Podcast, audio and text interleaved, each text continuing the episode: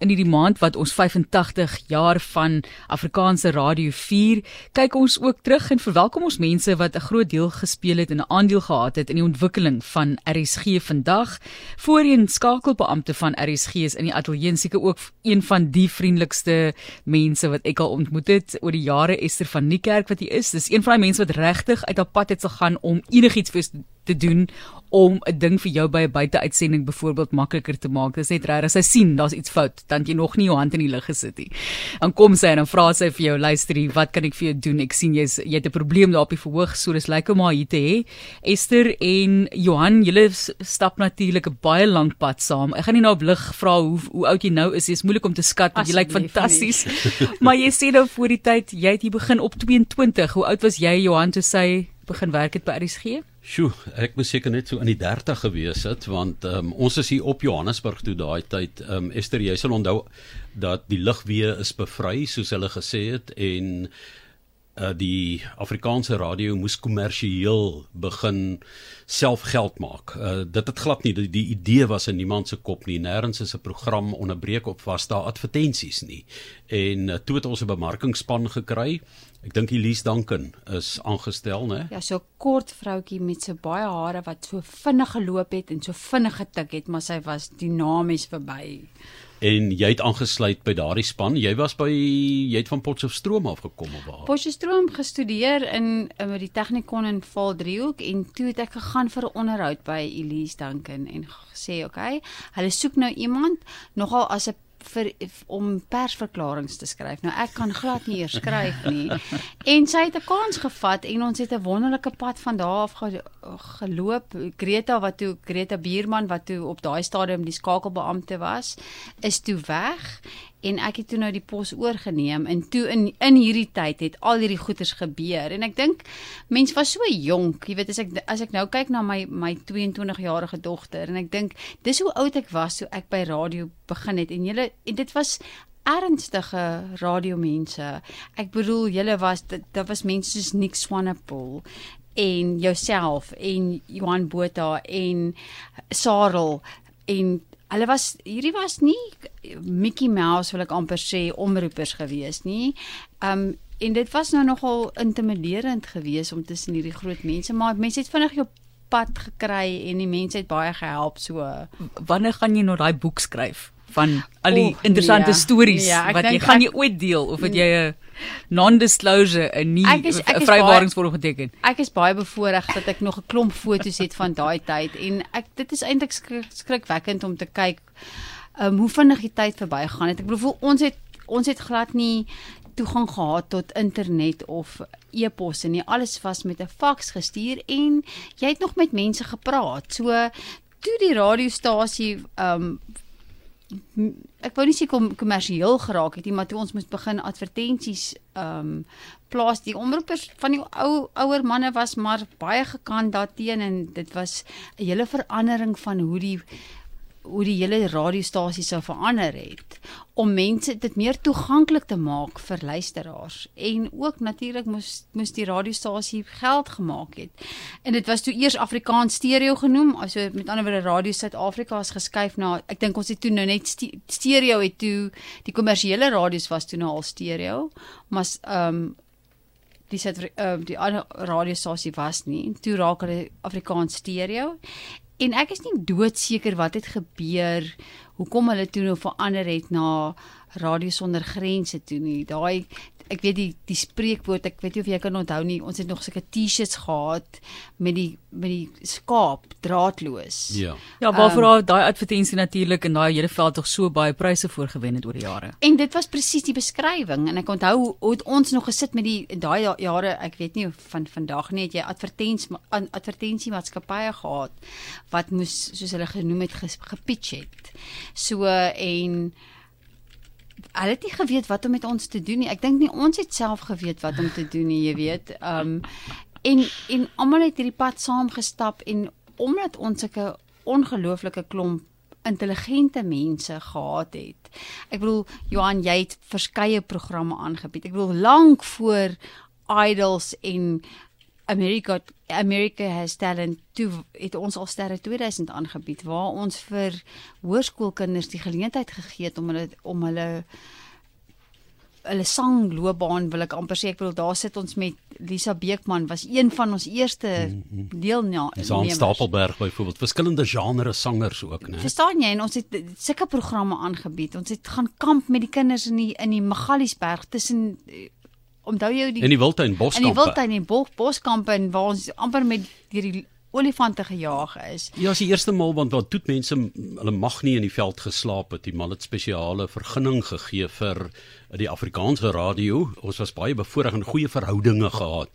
En toe het hulle gesê ons kan in die bos slaap met net so ou een van daai draadjies wat met 'n battery Ja.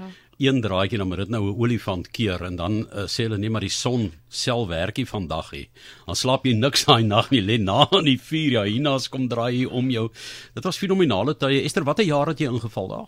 Jo, ek dink as ek moet ek nou ek dink 92. 92. Ja. Dit was die groot verandering in die land. Ja, Ehm, dit was was- kruispaaie. Daar was weerstand deur baie van die ouer omroepers en as mens vandag daarna kyk, kan jy verstaan as jy nou vir iemand ehm um, hier op 60 wat die hele lewe lank een gewoonte aangeleer het, nou gaan sê, nee, dit gaan nou heeltemal anders werk of so. Byvoorbeeld, ek weet met drama was dit 'n groot ontsteltenis en Rolf Jacobs, Renske se pa destyds gesê oor my dooie liggaam onderbreek ons se drama want ons het gesê nou gaan ons na 15 minute die drama onderbreek en dan gaan ons flits sit. Toe sê hy dit sal nie gebeur nie. Dit het nog sedertdien nie gebeur met radioteaters nie byvoorbeeld. En daar is met sensitiwiteit gewerk om daai goed, maar dit was moeilike oortuigings ook vir julle vanuit die bemarkingspan wat nou moes borge kry en sê maar hoorie ons moet hierdie onderhoud doen. Maar ons het nou iemand wat dit betaal en dan die omroep sê maar hy wil nie hê dit moet betaal. So dit was maar dit klink vandag maklik, was moeilike tye. Jy moet onthou die meeste van die bestuur en dit gaan nie hier nie oor geslag nie, maar was was die ouer omroepers wat in bestuursposisies was en toe kom hierdie een jong dame wat genoem was Elise Duncan, wel sy was ook al seker in die 30 wat vandag baie jonk is. En sy druk en sy moet nou sy kry opdrag van bo af ons moet verander en soos ek sê dit was dit was eintlik 'n wonderlike tyd geweest. Dit was dit was opwindend geweest want niemand het regtig geweet wat om te doen nie en en en ons borge En dit was moeilik om borge te kry want mense het nie geglo, hulle het nie verstaan wat Afrik wat Afrikaans stereo voor staan nie, want dit was tradisionele meer formele Konservatiewe radiostasie. radiostasie. konservatief en ons probeer toe nou 'n jonger jonger ge, um, uh, gehoor kry. Ons het veral geteiken op die tieners en ons het gekyk na mense van 30s, die mense wat begin beweeg, wat begin huise koop, wat begin dat jy wil met hulle pad vorentoe stap. En um Naderhand het ons groot borge gekry Standard Bank, Toyota het aan boord gekom, Sun International, um Pick n Pay, die ou RAI. So ons het toe en ek hulle het ons vriende geraak. Ek weet nie of jy kan onthou nie, maar dit het nie dit het naderhand dit was nie so moeilik toe meer gewees om om iemand te kry om 'n groot program te borg nie. En ek verstaan vandag is dit 'n heeltemal 'n ander situasie. Daar is nie eenvoudig nie of nie geld nie of daar's soveel ander platforms waarop mense kan adverteer. Maar radio was 'n groot ding geweest.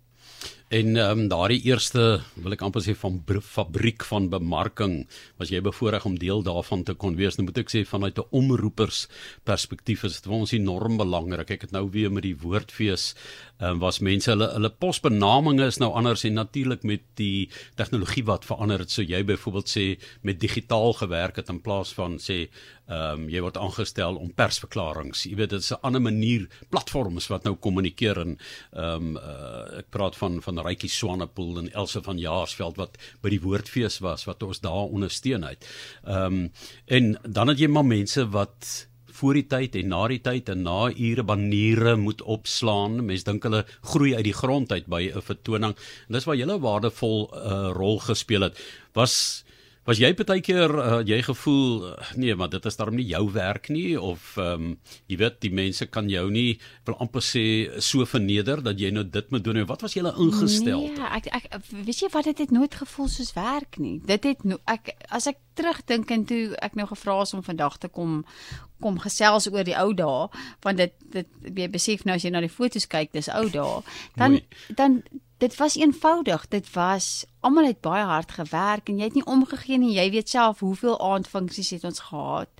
En dit het net nooit gevoel soos soos werk nie. Ons het ek dink ons was ek was by die tweede KAKNK was ek betrokke geweest en dit was 'n enkele karavaan wat in die middel van nêrens gestaan het op 'n grasperk nie.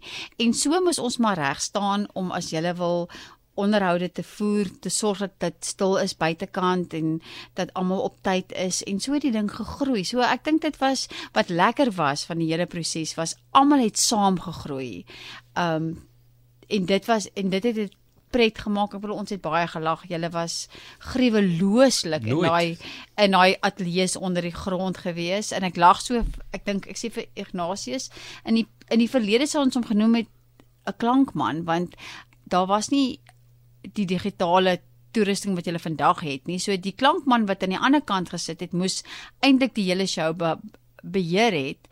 En en ek sê vir Johan vandag, hulle het altyd so 'n hulle het so 'n stelletjie rondgeloop. So elke omroeper het sy eie klankman gehad. En en saam was hulle was hulle 'n goeie span gewees. Ek kyk so van spanne gepraat van die uh, fotos wat jy saamgebring het 'n baie jong Koos Kombuis. Hier staan ek saam met Dion Maas byvoorbeeld wat nou in Berlyn is en hy's bloedjonk. Hy het toe vir Cora Marie en uh, Kerkorrel bemark byvoorbeeld, né? En hierdie twee het altyd daaroor gepraat. En ehm um, ja, dan sien ek iemand het vir Max de Pre probeer wurg daar, maar het nie goeie jobbie gedoen nie. Sal party mense sê Max en Max sal dit ook geniet. En jy weet sommer daar in die ateljee aan om die nek gesit en so Nick Swanepoel, al hierdie gesigte. Hier's 'n fotootjie ehm um, waar Elise Duncan en Esther en ek by mekaar is, maar at least jy kan sien Ons was jonk, né? Die hare was lank en die hande was nie. Derde keer dat hy vir my die foto wys. Ek dink hy's nogal trots op daai hare. Daai hare was lank. Moet ek sê, nee, dit is dis dit is die mooiste hare. Ek sê wat wat wil gee vir se hare, so boshare. Maar ek moet jou nou sê wat my storie was toe ek nou Johannesburg toe verplaas is Esther daai tyd. Toe ek gesê ek gaan nie weer my hare sny voor ek terug is in die Kaap nie dit was so half voordat hulle jou nie terugstuur nie. Ja, ja ek het 'n nee. grap gemaak en toe laat ek dit net groei, jy weet, want ek het nou nooit hierdie ek wil lang hare hê nie en toe is dit nou later 'n werklikheid, jy weet, en dan voel jy so bietjie bietjie so so Absalom. Ja, ek onthou oor, oor hierdie Johan Botha het altyd gesê hy gaan nou nooit weer sy hare sny voor daar nie vrede in die wêreld is nie. So hy was ja. hy was okay. hy was veilig geweest met dit. Ag maar weet jy wat ek dink ook dit was baie makliker geweest. Ek sê vandag maak Facebook en Instagram en e-posse en alles maak dit baie makliker om te kommunikeer, maar dit voel vir my so half dis 'n dis 'n eenrigting um kommunikasie. Ons het so 'n boekie uitge, uitgebring in 1994 van elke ou wat vir RSG gewerk het om vir luisteraars te wys hoe lyk like die sekretaresse is. Hoe lyk die mense met wie hulle gepraat het oor die telefoon en ehm um, en jy het ook 'n telefoonnommer gehad wat jy kon bel en die die mense het gebel en hulle kon met ons gesels het. So ag dit was dit was baie goeie tyd. Ek bedoel ek dink aan Mooi aan dit. ek dink aan die platemaatskappye. Kyk, die fonoteek het mos onder die grond gesit en jy moes jy as omroepers moes jou CD's of ek dink dit was CD's in daai tyd gewees moes jy gaan trek het en jy het vreeslik in die moeilikheid gekom omdat jy nooit julle vorms ingevul het vir wat is die organisasie se naam? Ja. Ja. So, jy was permanent jy was permanent in die moeilikheid gewees maar hulle het ook die grootste partytjies gegooi en dan het het die verteenwoordigers van die van die verskillende plate maatskappye het een keer 'n week omgekom met sy nuwe kunstenaar en hy het vir jou 'n CD in die hand gegee en gesê Johan asseblief luister hierna. Dis Jannie en hy sing so mooi en en dis hoe dit gedoen was in daai tyd. Jannie de Tooi. ek maak net 'n grap. Ons moet groet Esther, maar daai kaartjie is kosbaar wat jy so het. So mooi. En dit, kan jy onthou trotsie was toe hulle 'n visitekaartjie gedruk het met jou naam op skakelbeampte. Fancy. Afrikaans was, stereo. Nee, dit was vir my ek het gedink jy het nogal gedink jy's jy jy's iewers. Dis regtig pragtig hoor in die herinneringe wat gevorm is oor jare. Dankie vir al die harde werk. Ons weet dit was harde werk geweest en om ook later aan te help met bemarking en met buiteuitsendings. Dit is die manier hoe ek jou nou leer ken het. So ek het hierdie agtergrond glad nie geweet nie. Dit was nou vir my ook interessant om te luister op watter stadium jy begin het en Esther se eie agtergrond met RSG en die vorige name wat die stasie nou al gehad het. 85 jaar van Afrikaanse radio. Daar's baie inligting op ons webblad ook beskikbaar. Gaan kyk gerus daar. Esther, baie dankie vir die kuier. Dit was 'n voorreg. Baie dankie en sterkte vir julle vorentoe. Van my kant af ook dankie Esther vir julle die bemarkingspan deur die jare. Julle het julle arm soms stomp geveg om vooruit te gaan en ek kan sê julle was suksesvol daarmee. Ek dink ons het by RSG as gevolg daarvan suksesvolle spronge gemaak en um, altyd dink ek op die ouend in die regte rigting.